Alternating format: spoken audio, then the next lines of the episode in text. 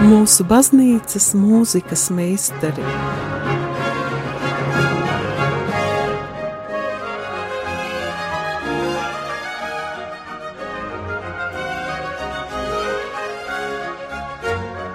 Studijā Dace Dreimane.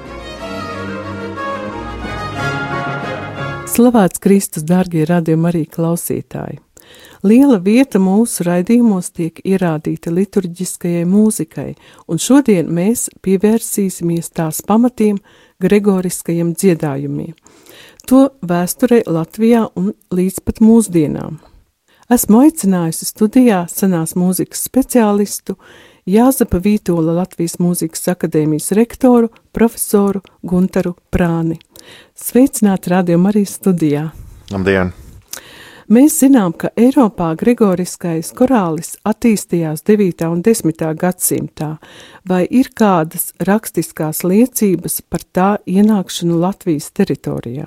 Vēsture un liecības tas vienmēr ir ļoti interesants jautājums, jo, protams, kā mēs zinām, pirmajā tūkstošgadē ļoti daudzas lietas kultūrā vispār bija mutvārdos vai mutiskajā tradīcijā. Mhm Līdz ar to tās liecības, īpaši kas attiecas uz uh, Livoniju, uh, ir diezgan skopas, uh, kas attiecas tieši uz mūziku un dziedāšanu. No otras puses, protams, mēs varam būt pilnīgi droši, ka tur, kur tolaik bija rietumu kristietība, uh, proti Romas katoļu baznīcas kultūra, tur neapšaubāmi tika dziedāti gregoriskie dziedājumi, un lai gan mums nav saglabājušās tik senas liecības, bet es esmu pilnīgi pārliecināts, ka jau no no apakstuļa Meinārda laikiem, un pēc tam arī Bīskapa Alberta Rīgas dibinātāja laikiem. Protams, ka tie bija gregoriskie dziedājumi, kas tika dziedāti arī Rīgas un, un citu Livonijas baznīcu un klosteru baznīcās. Tādas liecības nav saglabājušās, bet nu, tur tā metodoloģija ir tāda, ka nu, skatās, kas tolaik vispār notiek. Un, protams, tolaik ir arī teiksim, dziedājumi un liturģija ir viens no tiem instrumentiem, kā baznīca un baznīcas dzīve un tā vienotība vispār tiek saturēta kopā. Nu, faktiski tas jau līdz mūsdienām ir tas ļoti nozīmīgais elements. Bet tolaik jau no Kārļa uh, lielā laikiem tieši gregoriskie dziedājumi, tieši kopīga liturģija bija tā, kas uh, iedeva arī cilvēkam, kas ceļoja no vietas uz vietu, šo šo sajūtu, ka tā ir tā pati baznīca, tā ir tā pati piedarība. Tā kā tādā ziņā, lai gan mums nav nenošu pierakstu un, un burtiski dažos vārdos arī Indriča kronikā ir minēts mm -hmm. kaut kas par dziedāšanu, bet mēs varam būt droši, ka ko līdz notika vispār uh, Latvijas, tolaik Latvijas teritorijas pieslēgums rietumu kristietībai, rietumu kristietības kultūrai, tā varētu teikt, ka no tā brīža, protams, ka tie bija gregoriskie dziedājumi, kas tika dziedāti. Cits jautājums ir, kā viņi tika dziedāti, un cits jautājums ir, vai viņiem bija arī kāds lokāls piesitiens, un tur mēs daudz ko interesantu jau nedaudz vēlākā laikā varam atrast. Cik zinu, jūs vienīgais Latvijā esat pētījis gregoriskos dziedājumus tieši to attīstību Latvijā, un konkrēti jūsu doktora disertācija ir veltīta Rīgas misālē. Vai jūs varat kaut ko pastāstīt par tiem secinājumiem, kas jums veidojās šī pētījuma rezultātā? Secinājumi ir ārkārtīgi daudz. Es gribu sacīt to, ka tas vispār bija ārkārtīgi aizraujošs process dzīvot ar šo grāmatu, un jo vairāk es viņu vēru vaļā, līdzīgi kā kādreiz saka par Bībeli, jo tu viņu vairāk atver, jo viņa vairāk atveras tev. Tā līdzīgi man šajā gadījumā pētot Rīgas misālē, tiešām fiksētos nošu pierakstus, dziedājumus. Man aizvien vairāk atvērās vispār tā laika pasaule, tā laika cilvēka domāšana. Es gribētu pat teikt konkrētāk, jo vairāk man šķita, nu, gluži vai kā tāda metafiziska komunikācija ar tā laika dziedātājiem, ar tā laika arī garīdzniekiem, kas, kas ar šo grāmatu darbojās, kas svinēja misas, lietojot šo grāmatu Un, jāsaka, tur ir vairākas interesantas lietas. Nu, vispār pētot seno mūziku un arī gregoriskos dziedājumus, tā paradigma varētu būt tāda, ka, protams, ka Tas ir universāls repertuārs, ko pazīst tolaik visur Eiropā, bet tomēr reģionāli un lokāli bija visādas interesantas atšķirības. Un jāceras, ka daudz kas notika mutiskā kultūrā, arī Rīgas misālē, piemēram, ir veseli 83 dziedājumi fragmenti kur ir pierakstīts tikai neliels uh, dziedājuma sākuma fragments, un tālāk mēs konstatējam, ka, ka nekā vairs nav. Tas nozīmē, ka šie dziedātāji, acīm redzot, vēl joprojām visu zināja no galvas. Un te man jāpiebilst, ka latviskais tulkojums no galvas man ļoti pašam netīkās, jo latīniski tas būtu ekskorde no sirds. Arī angļu taču saka by heart, kas, es domāju, arī liturģiskajā muzikā daudz tuvāk ir tai būtībai, jo cilvēks ne jau domā dziedāšanu no galvas, bet viņš ar savu sirdi slavē Dievu. Un, protams, ka tas ir tas mērķis. Eh, katrā ziņā mēs konstatējam, ka ļoti daudzas lietas, eh, kas tika dziedātas, netiek pierakstītas. Un tad mēs varam domāt par to, ka acīm redzot, katra dziedāšanas reize varēja nedaudz atšķirties no tās citas dziedāšanas reizes, ka tur noteikti bija klāts kāds improvizācijas, eh, spontānas variēšanas elements, ko Rīgas misāla arī ļoti plaši uzrāda. Teiksim, viens un tas pats Kirija Leisona dziedājums četrās misālas vietās, un katra reize ar, nelie, ar nedaudz atšķirīgu melodiju. Par ko tas varētu liecināt? Tas varētu liecināt par to, ka tajā brīdī nebija vēl tas tik uh, strikti noteikts, ka tikai tā un ne savādāk, bet tā bija kaut kāda zināma tā mākslinieckā brīvība. Protams, teksts saglabājas un ir nemainīgs, neapšaubām, kā jau tas misijas kanons to prasa, bet pat melodija varēja mainīties. Un te man jāsaka, ka tur jau mēs daudz ko varam atrast jau no vecās darības laikiem, kā arī jūdu sinagogas kantors. Viņa faktiski galvenais uzdevums un sūtība bija pēc iespējas dziļi iedziļināties tā konkrētā vēstījuma tekstā, un tādu pēc iespējas spilgti uh, to nodziedāt visiem klātesošiem, tā lai tas viņus uzrunā, tā lai tas viņus emocionāli aizskar, un tā lai tas viņiem saglabājas atmiņā. Un arī šeit mēs varam domāt, ka 15. gadsimtā, un to mēs laikam nepateicām, ka Rīgas misāla ir datējama ar 15. gadsimta 60. un 80. gadiem, tā tad Tur mēs, tur mēs konstatējam šo pašu fenomenu, ka, ka teksts ir ārkārtīgi nozīmīgs, bet kā viņš kur reiz izskan, tur ir dažādas interesantas atšķirības. Un varbūt pirms mēs nedaudz komentējam sīkāk, mēs varētu noklausīties vienu no dziedājumiem, kas ir ieskaņoti pēc Rīgas misāles. Un proti, tas ir pirmais pilnais dziedājums, kas ir Rīgas misālē saglabājies no baznīcas iesvētīšanas mesas terribilis est. Cik bijājama ir šī vieta, tas tiešām ir dieva nams. Tātad introita dziedājums. skaņdarbs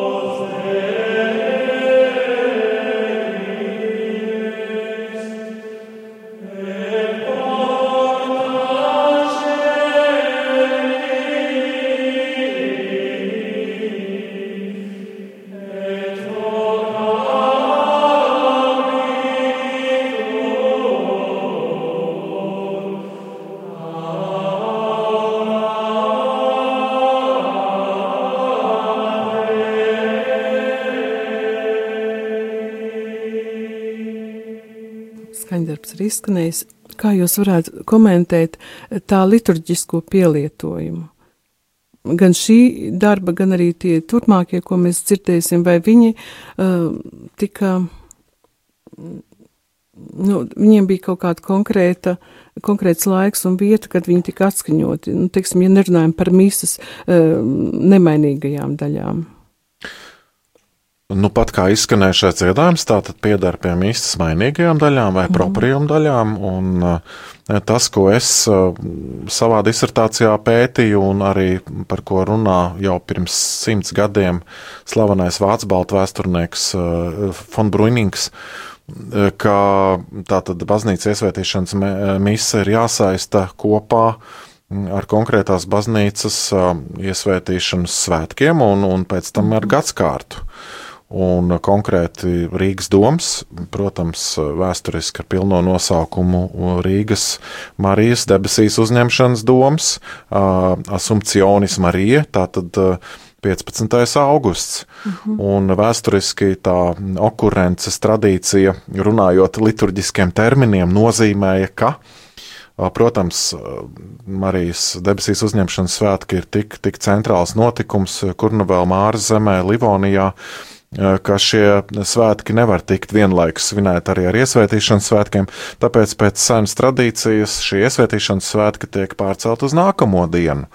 Un mēs jau no viduslaikiem to varam atrast un, un arī argumentēt, ka tātad šie dziedājumi tika dziedāti katru gadu Rīgas domā, Rīgas Marijas domā vai Rīgas Marijas debesīs uzņemšanas domā 16. augustā. Un e, tur ir arī daudz dažādu liecību, kā, protams, ka tie nozīmē to laiku ikvienai uh, viduslaiku pilsētai, ne tikai baznīcas svētkus, bet tie ir visas pilsētas svētki, jo katedrāls patronāta svētki tas būtībā ir tas centrālais notikums, uh, kur no sākuma tiek svinēta svinīgā mise un pēc tam notiek uh, dažādi gada tirgus, dažādas gada tirgus aktivitātes, un eh, arī dejas un dziesmas jau tirgus laukumā, baznīcas priekšā, par ko starp citu runā arī Livonijas Indriķis, runādams par dažādām mistēriju spēlēm, kas arī Rīgā nav bijis nekas, eh, nekas svešs. Un eh, tas mums ļauj uzbūvēt vispār tā laika tādu ainu, jā, ka tā ir bijusi ārkārtīgi tāda intensīva, dinamiska uh, kultūras aprite, kur sava vieta ir ļoti augsta līmeņa un augstas kvalitātes um, liturģiskiem dziedājumiem, kādi ir šie, bet tas mm. pēc tam viss arī tiek pārvērsts visas tautas svētkos, jau ārpus baznīcas mūriem. Tā kā man jāsaka, vienmēr tieši šī elementa iedod tādu dzīvāku priekšstatu vispār, kā tas tolaik viss ir norisinājies. Tas vairs nav tāds šaurs un, un, un, un kaut kāds tāds varbūt pārāk fragmentārs skatījums skatījums uz lietām. Kā mēs saprotam, misāli tika rakstīta ar roku, protams, kā jūs, jūs fiziski viņu redzējāt un izpētījāt, kādi ir tie rokraksti, vai tie ir vairāki, vai, vai viens cilvēks varbūt rakstīja? Jā, parasti uh, misāli uh, gatavo vairāki, tā saucamie mhm. notāri, un šī misāla visticamāk ir tapusi Rīgas arhibīskapā kancelējā, kur ir vairāki uzdevumi. Teiksim, viens notārs bija atbildīgs uh, tikai par iniciālu izzīmēšanu, kas ir skaisti, kas ir krāsaini, kas var redzēt, tas ir ārkārtīgi ilgs, ilgs un uh, precizitāti prasošs process. Un tad viens rakstītos parastos tekstus uh, gotiskajā minuskulā, Un e, tad bija atkal kāds cits notārs, kurš ļoti iespējams pats bija arī kantors. Mēs pat zinām, ka 13. Gadsim, gadsimtā Rīgas domā ir tāds kantors Johannes bijis, kura vārds pat ir saglabājies e, tātad e, citos reģistros. Un mēs varam domāt, ka tie bija trīs, četri cilvēki, kas, mm -hmm. kas ļāva tapt šai misālē. Tad katrs bija atbildīgs par savu funkciju. Mm -hmm. Vai ir zināms, cik daudz apmēram dziedātāju piedalījās dievkalpojumā? Nu, Rīgas domkungu skaits vēlīnos viduslaikos Rīgā tiek lēsts ap 12. Protams, tas simbolisks -hmm. skaitlis, 12 apstuļi. Nu, var domāt, ka tie bija četri līdz seši dziedātāji, kas mm. dziedāja tā saucamajā skolā vai liturģiskajā korī. Tātad tas skaits šajā gadījumā ir bijis pārskatāms. Starp citu, Rīgas domā, tur vairāk kārt mainījās regula, domkungi. Nu, tas ir faktiski klosters, kas, kas tomēr piedara klāt pie katedrāles un kas ir arhibīskapa mm -hmm. pārvaldībā, nevis abata pārvaldībā, kāds būtu viens, teiksim, klasisks klostera šis te struktūrējums. Un tur bija gan augustīņu, gan premonstriešu regula, kas vairāk kārt tika mainīta. Uh, Bet uh, katrā ziņā mēs varam domāt par 12 dziedātājiem. Tā tad tutī variantā, un tad, uh, teiksim, 4 līdz 6 dziedātāji, kas jau acīm redzot bija īpaši smalki izglītoti, un kur var piebilst, ka, ka divi no viņiem, tie labākie, tie kantori, vienlaikus bija arī Rīgas domskolas skolotāji. Eh, kuri arī atbildēja eh, par ne tikai mūzikas, bet arī retorikas un, un citiem eh, kvadrīvījumu teiksim, priekšmetiem, kas tika bērniem mācīts. Mm. Jo mums jāatcerās, ka to laiku taču arī izglītības iestādes bija pie, pie katedrālēm, klosteriem, un, un Rīgā šajā gadījumā tā ir Rīgas domskola. Jā. Tā tiešām ļoti augsta līmeņa dziedātāji. Tā, es saprotu, ka tie visi bija vīrieši. Jā, neapšaubāmi, ka Rīgas, Rīgas doma kapituls un tā locekļu domkungi, protams, ka tie bija vīrieši. Mhm. Es domāju, tā laiks ir kādai dziesmai. Um. Mēs varētu paklausīties vienu kīriju, kas nāk no, no kaimiņa eh, bīskapijas. Un arī tas ir ārkārtīgi interesanti, ka viduslaikos notika ļoti tāda intensīva miedarbība. Mm. Tie galvenie centri uh, ar kuriem Rīga atradās miedarbībā un kura pat saņēma. Tātad šie centri sūtīja uz Rīgu savus garīdzniekus un, un domkungus. Tā ir, protams, Ziemeļvācija un arī tā laika Vestfālene, bet īpaši mēs varam runāt par ciešu saikni ar Hamburgu. Un man izdevās atrast vairākus avotus arī viduslaika Hamburgas rokrakstos, un es salīdzināju Rīgu. Un tur ir ārkārtīgi interesanti, ka smalkumos ir atšķirības, bet lielās līnijās tomēr daudz kas ir līdzīgs. Bet kas Rīgā nav pierakstīts, bet Hamburgā ir, tā ir divbalsīga dziedāšana. Un mēs arī fiksējām šajā ierakstā Kirija Leisona dziedājumu, kas tai pašā laikā, 15. gadsimtā, tātad skanēja viduslaika Hamburgā.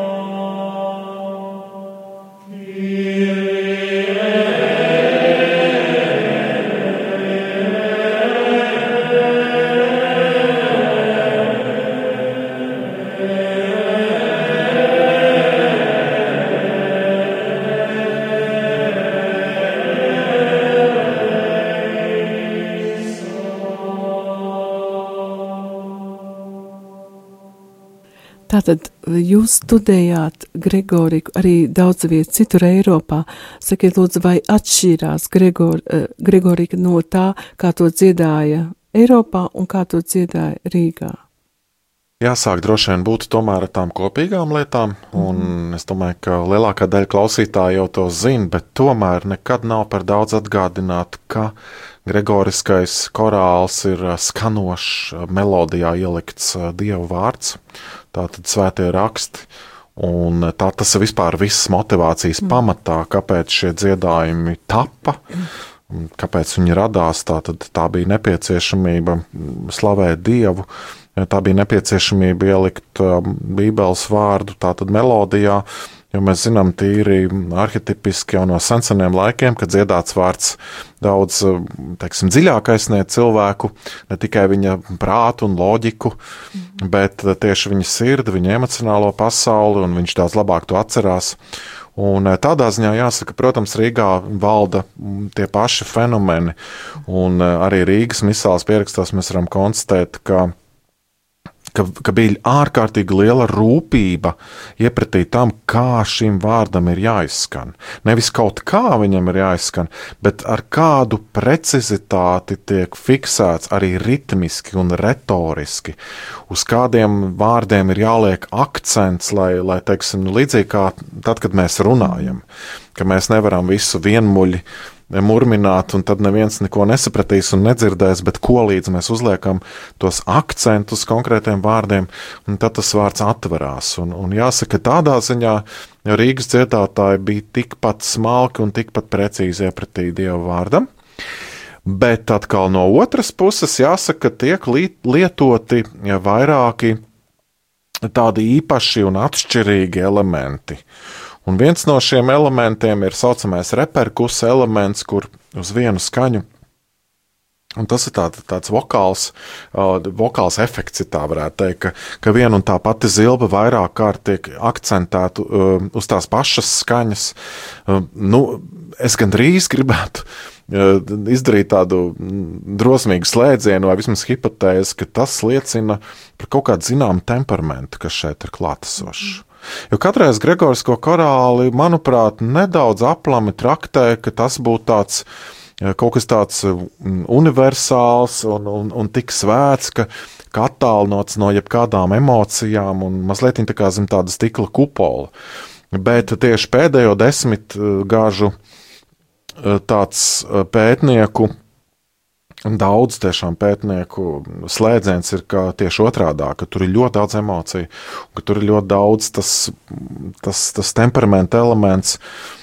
Ka, teiksim, mēs redzam, vienā dziedājumā, ka tur ir vārds sirds, un kad viņš tiek, tas vārds kor tiek iezīmēts piecas reizes.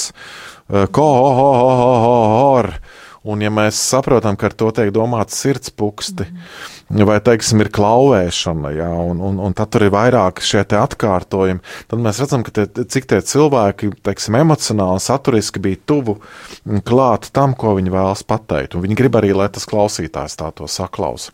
Tā kā šai ziņā jāsaka, ka Rīgas dziedātājiem 15. gadsimtā pat ir daudz vairāk nianšu kā daudziem, teiksim, Vācijas tā laika klosteriem. Mm -hmm un citiem manuskriptiem, eh, kurus man izdevās eh, salīdzināt. Kā tur ir tāda vairāk elementi. Es, protams, ar to negribu teikt, ka Rīgas zedām ar kaut ko būtu pārāki, bet tur ir tās nianses, kas liecina par kaut kādu lokālu tradīciju, pat lokālu skolu. Jo mums jāatcerās, ka tolaik, protams, eh, nu, līdzīgi kā tradicionālajā mūzikā, kur, teiksim, vecmāmiņa dzied mazmeitiņai kādu tautas dziesmu, tad mazmeitiņa iemācās pēdiņās, kā vajag. Un, eh, un līdzīgi arī šajā liturģiskā tradīcijā, ja, ka, teiksim, tad, kad kāds jauns novics atnāk uz šo te domkapitulu, vai klosteru, kur viņš tiek mācīts arī dziedāšanas prasme. Protams, viņš klausās un mācās un dzied kopā ar meistaru. Un tad viņš mācās, kā tam vajadzētu skanēt, un viņš lēnām tiek ievests šajā noslēpumiem, pilnajā pasaulē. Un, un, un tad viņš iemācās šo, šo cimdu, ja, un tad viņš nes viņu tālāk. Un, un mēs konstatējam to, ka Rīgā drusku savādāk mācīja. Kā teiksim, Hamburgā, vai Lībekā, vai arī Leipzigā, kur arī bija ļoti plaša tradīcija. Tāpat arī Upsalā, teiksim, vai vēl kādās citās Skandināvijas pilsētās. Ja, ir, ir, ir tiešām nelielas, jo tas ir tas pats gregoriskais repertārs, un tomēr atšķirības. Vai varētu būt tā, ka tie, kas dziedāja, nu, kādi no tiem bija arī latvieši? Nu, te ir ļoti daudz dažādu teiksim, minējumu. Ir daži tādi avotu gali, kas liek domāt par to, jā, ka arī kādi lībiešu un letu jaunēkļi -hmm. arī, arī tika uzņa, uzņemti klostros, un, un tolaik jāatcerās arī, ka Vācu ordens bija ārkārtīgi spēcīgs Livonijā. Un bieži vien tur arī tāda savu zināma cīņa bija starp uh, arhibīskapiju un biskupijām un, un vācu ordeni. Uh, tas, uh, ka tur būtu tikai iebraucēji, tas ir maz ticams. Es esmu pilnīgi pārliecināts līdzīgi pēc analoģijas, kā tas citās vietās ir. Noteikti ir savs procents arī vietējo. Un jāsaka, ka te ir vēl vesels plašs lauks to pētīt un skatīties. Un arī vēlāk, mēs redzam, kad jau jezuīti ienāk, īpaši Latgalē, 16, 17, ceļš 17, 18 gadsimtā mēs redzam, ka pat tiek adaptēti gregoriskie dziedājumi latgaliešu valodā. Un kāpēc tas tika darīts? Tāpēc, lai tauta dziedātu, lai tauta saprastu, lai tauta dziedātu. Tā kā tur noteikti ir pārklājums, un tur noteikti mēs nedrīkstētu skatīties tādās balts melns kategorijās. Tur, tur noteikti šī miedarbība notika. Un tad varbūt vēl kas, kas būtu interesanti kuras pats, pats pajautāšu jautājumu, kā bija ar instrumentiem. Un nākošais ieraksts, cits būs ar vienu šādu instrumentu. Nu, mēs varam jautāt, no vienas puses mēs taču zinām, ka Gregoriskie dziedājumi tie ir akapela dziedājumi, tas ir bez pavadījuma repertuārs. Un mēs zinām arī uzstādījumu vispār jaunajā derībā jau no pirmajiem gadsimtiem, eh, ka pirmbaznīca un, teiksim, agrīnā kristietība atteicās no jebkādiem instrumentiem, lai tādējādi, tādējādi pozicionētos iepratīm vecajai derībai, kur bija ārkārtīgi krāšņs instrumentu lietojums, atliek tikai pāršķirstīt psalmus vai arī, teiksim, daudz pagāniskie kulti, jā, tur, kur tiek lietot dažādos rituālos instrumenti. Tātad, lai to no tā visa norobežotos, tā, tad tā ir akapēla kultūra. Un tomēr mēs konstatējam viduslaikos, ka instrumenti palēnām ienāk arī liturģiskajā mūzikā. Viņi ienāk, protams, no sekulārās mūzikas, tad viņi ļoti iemīļot ir paraliturģiskajos dažādos repertuāros. Teiksim, tas, ko tauta dzied, ejot svētceļojumā vai pēc misas ārā pie ugunskura. Tur ir dažādi instrumenti, tur ir dūdes, tur ir kāda lauta, tur ir rata lira, starp citu, kas Livonijā ir dokumentēta. Un tad par rata liru kuri man ir tas prieks arī pašam spēlēt, un man, man tiešām tas ļoti aizrāvis. Ja, arī domājot par to, ka mēs zinām, ir vairākas liecības, ka viduslaiku klosteros tieši ratalīra bija tas instruments, ar ko mācīja cilvēkus dziedāt. Tātad mēs šodien iedomājamies, nu, kā māca bērnam dziedāt, tad, tad skolotāji pie klavierēm sēž. Bet to laiku, protams, ka par klavierēm neviens nemaz nesapņoja, vispār drošākajos sapņos, bet tā tad uh, ratalīra šis instruments, kur tiek griezts rats un tādējādi ievibrētas stīgas, bija tas instruments, ar ko Tātad faktiski arī tika mūki izglītoti dziedāšanas mākslā, un ar ko viņiem mācīja precīzi intonēšanu un tā tālāk. Un tāpēc šai sakrā es gribētu piedāvāt tagad ierakstu. Tā tad ierakstu, un man jāsaka, notīs tas nav rakstīts, bet kā jau mēs sacījām raidījuma sākumā, ka daudz kas netika rakstīts, tas varēja tikt improvizēts un likt, likts klāt. Un šeit ir nu, tāds mūsu mēģinājums mazliet fantazēt šajā virzienā, un tad tas būs eh, responsorija dziedājums Fundāta Est, kas, starp citu, arī ir paredzēts eh, baznīcas iesvētīšanas svētkiem, šajā gadījumā stundu liturģijas ietvaros. Un, jā, es gribētu klausītājiem vienkārši parādīt, kā izklausās viduslaiku mūku vokāls ar rata liras skanējumu gribu piebilst, ka man liekas, ka es redzēju šo instrumentu, kad jūs ar viņu um, uzstājaties Rīgas domā. Viņš pavisam neliels, tātad klēpī turams un līdz ar to viegli pārnēsājums. Jā, viņš ir uh, absolūti portatīvs, uh, pārnēsājams, uh, līdz ar to jā, dažādos viegli kontekstos. Viegli izmantojams, un starp citu tas ir arī instruments, kas vēsturiski tika izmantots gan baznīcā, gan ārpus baznīcas. Man vēl tas tā, domājot vispār, es mana pārliecība, ka vispār mūzikas dāvana un, un dziedāšanas dāvana ir, ir cilvēkam dieva dota, un, un, un tas, tie pirmsākumi ir pie dieva. Un, tā tad šajā gadījumā es esmu, es esmu pat priecīgs, ka šis instruments kaut kādā veidā nu, sasaista kopā lietas. Un var piebilst tikai to, ka instrumentam ir raksturīgs burdona skaņas skanējums, līdzīgi kā dziedāšanā, tā šeit instrumentam. Un burdona skaņa viduslaikos nozīmē zelta fonu. Tātad mm -hmm. burdona skaņa simbolizē dieva nemitīgo klātbūtni cilvēka dzīvēm. Tātad, klausoties, tur apakšā visu laiku tā skaņa nemainīgi skan mhm. līdzi. Un tas, teiksim, ticīgam cilvēkam dod, dod šo vēstījumu. Vai tu par to domā, vai tu nedomā, vai tu esi nomotā, vai tu, vai tu guli. Dievs ir nemitīgi kopā ar tevi, Dieva klātbūtne ir nemainīga tavā dzīvēm. Tātad mēs te klausāmies. Dziedāt. Mēs klausāmies tagad uh, responsoriju un proliksumu dziedājumu no stundu liturģijas baznīcas iesvētīšanas svētkos Fundāta Est.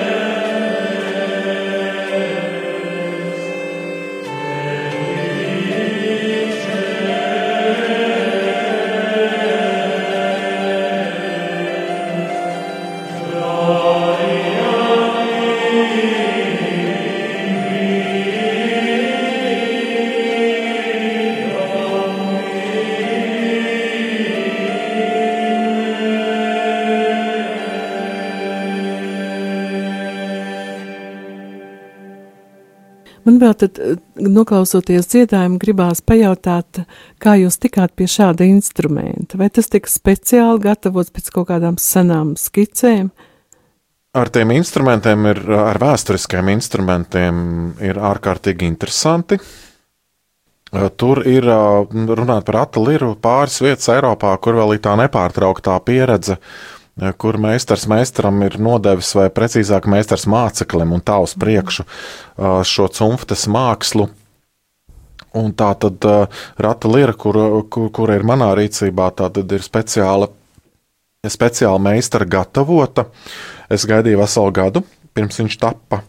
Un tā tad tas ir viens dienvidvācu meistars, kurš ir izglītojies Francijā. Un, un Francijā, tātad Dienvidfrancijā, šajā vietā, kur viņš mācījās, tā tad vēl bija šī te no viduslaikiem nākusī skola, kur tā tad eh, no paudzes uz paudzi tālāk ir nodota šī tradīcija. Un es esmu ļoti priecīgs un apmierināts to instrumentu. Viņš ir ļoti kvalitatīvs un kas vienmēr svarīgi, protams, lai tas skanējums arī, ja tā var teikt, mūsdienu ausīm ir, ir, ir gan um, skaists un, un, un gan tīrs. Um, varētu jautāt arī paralēli par gregorisko dziedājumu, vai viņš ir līdz pa 20. gadsimtam tā nepārtraukti skanējis Eiropas baznīcās, ja tomēr ir bijuši kaut kādi pārtraukumi, pēc tam atkal atjaunošanās. Jā, neapšābāmi, ka līdz ar daudzbalsības ienākšanu mūzikā, un mēs zinām, ka uh, Piemēram, 16. gadsimtā Giovanni Pierluigi da Palestrīna bija tas, kas Romas pāvesta aicināts, mēģināja teiksim, sakrālo muziku vispār uzlikt uz jaunām sliedēm, un, un tolaik bija tas, tas lielais jautājums, vai nevajadzētu atgriezties atpakaļ pie Gregoriskā korāļa, jo teiksim, 15. jau 14. gadsimta gaitā pamazām ienāk daudzbalsība, ienāk, kā mēs sakām, šodien polifoniskie skaņdarbi, kuri pamazām, pamazām mazināja Gregoriskā korāļa lomu. Un vēl vairāk tas notiek 16, 17, pat 18 gadsimtā, kur tātad pamazām, pamazām dažādu iemeslu dēļ, bet tātad Gregoriskais korālis aizvien mazāk tiek dziedāts. Un tad bija ārkārtīgi tāda liela atjaunotnes kustība, kas aizsākās Solēm klosterī. Uh, Francijā, tātad 19. gadsimta otrajā pusē. Tad, tad, tad notika tā Gregoriskā korāļa renaissance, un uh, tas arī bija Romas pāvesta ārkārtīgi uh, stimulēts pasākums kur Pāvests Pīs savulaik motu proprio rakstīja 1904. gadā, cik ļoti svarīgi būtu atgriezties pie šiem pirmavotiem un, un tām pamatvērtībām, tieši akcentu liekot uz Gregorisko korālu. Tā kā mēs varam teikt, ka sākot no 19. gadsimta beigām cauri visam 20. gadsimtam Gregoriskos korāls aizvien vairāk atkal ir ienācis baznīcas sakrālās muzikas apritē, un, un teiksim, mēs zinām, arī otrā Vatikāna koncils jau ir definējis, ka tas ir būtībā pamatrepertuārs, ka, ka tā ir tā bāze, un ka drīkst un var arī kaut ko citu lietot, bet nevis otrādāk. Jā. Tā kā par to ir ārkārtīgi liels prieks, jo Protams, ka tā ir ārkārtīgi augstas, augstas smalkas kultūras izpausme. Uh, ko mēs atrodam šajos dziedājumos. Un es domāju, ka viens cilvēks, kas pats ar to nodarbojas, vai jau ar uzmanīgi, uzmanīgām ausīm klausās, tad viņš noteikti ātri vien pamanīs, kāda bagātība šeit slēpjas. Mhm. Es domāju, ka mēs varam runāt arī par Gregorikas renesansi Latvijā, un lielā mērā tas ir pateicoties jūsu dibinātajam un vadītajam un izveidotajam ansamblim Skola Kantoram Rīga.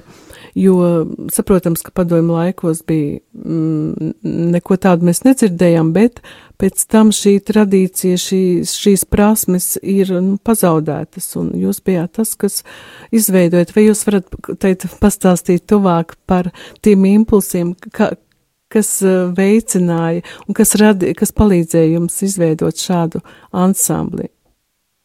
Es domāju, ka viens no galvenajiem impulsiem to, tomēr bija katra eh, dziedātāja paša eh, ticības dzīve, ticības dzīves meklējumi.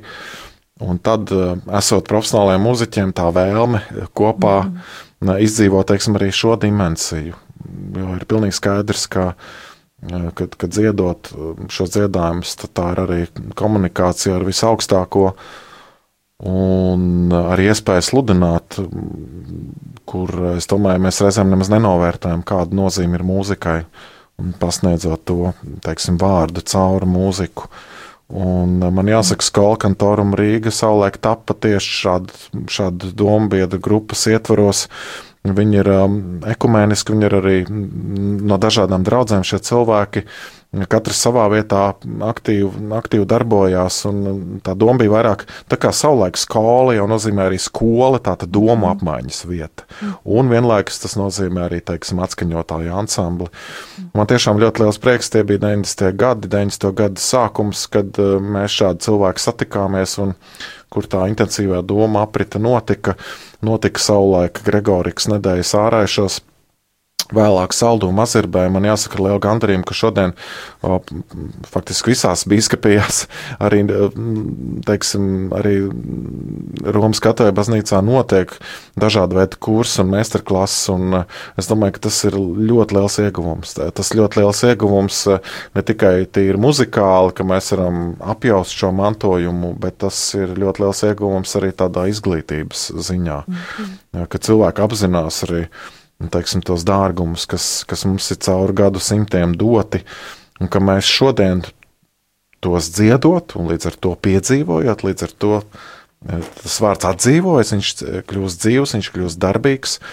Un, e, man liekas, ka tā ir vispār tāda, tas, tas lielais e, universālās baznīcas noslēpums ir, ka mēs esam saistīti ne tikai šodien, telpā, jebkurā pasaules vietā, tad, kad mēs svinam dievkalpojumu, bet ar visiem kristiešiem, bet arī šī laika dimensija, ka mēs esam saistīti ar saviem priekštečiem pirms tiem tūkstošiem gadiem, un ka, ka caur tiem pašiem dziedājumiem mēs esam vienoti un beig beigās esam pārliecināti vienoti ar tiem dabas eņģeļu koriem, kas nemitīgi dzied dievam, un, un tas ir kaut kāds tas, tas pārdabiskais elements, dziedot šo repertuāru, ka mēs apzināmies šo, šo vienotību un šo augstāko sakrālās muzikas būtību.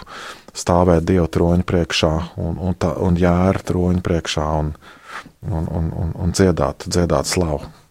Ko jūs piedāvājat kā nākošo muzikālo piemēru atkal skolas kantorum Rīga izpildījumā? Es gribētu piedāvāt uh, Marijas antifonu Salve Regīna, bet uh, mazliet ar tādu uh, elektroniskās mūzikas un dažu instrumentu pielikumu um, albums, kas tapa kopā ar komponistu Raimonu Tigulu. Vienkārši parādīt arī, ka šos pašus dziedājumus var, es ceru, gaumīgā veidā arī dažādi kombinēt, un, protams, ka tas šodien plaši tiek darīts.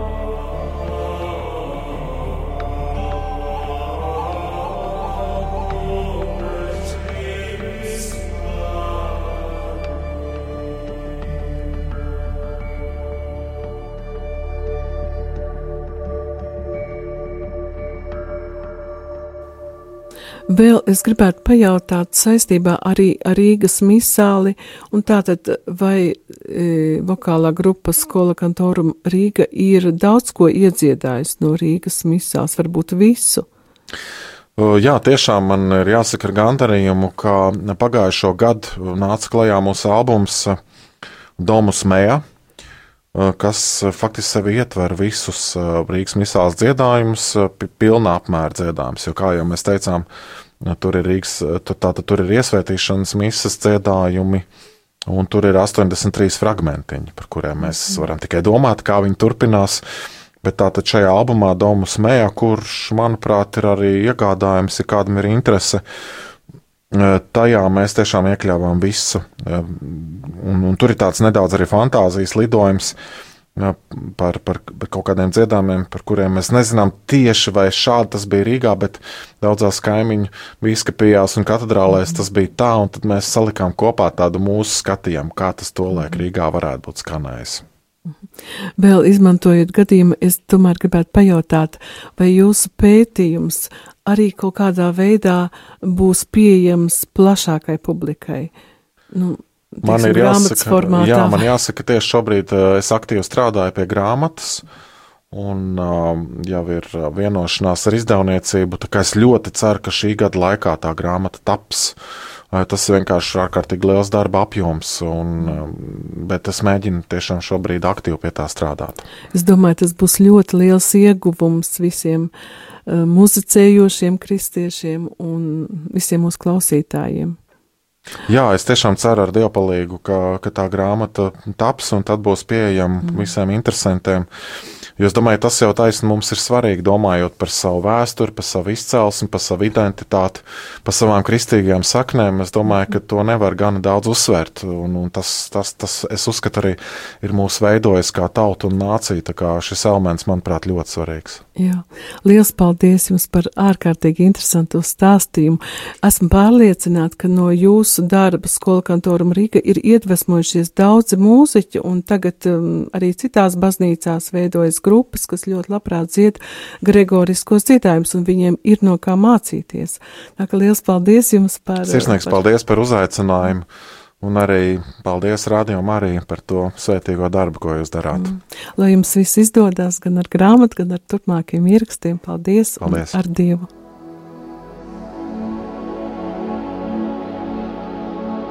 Amen.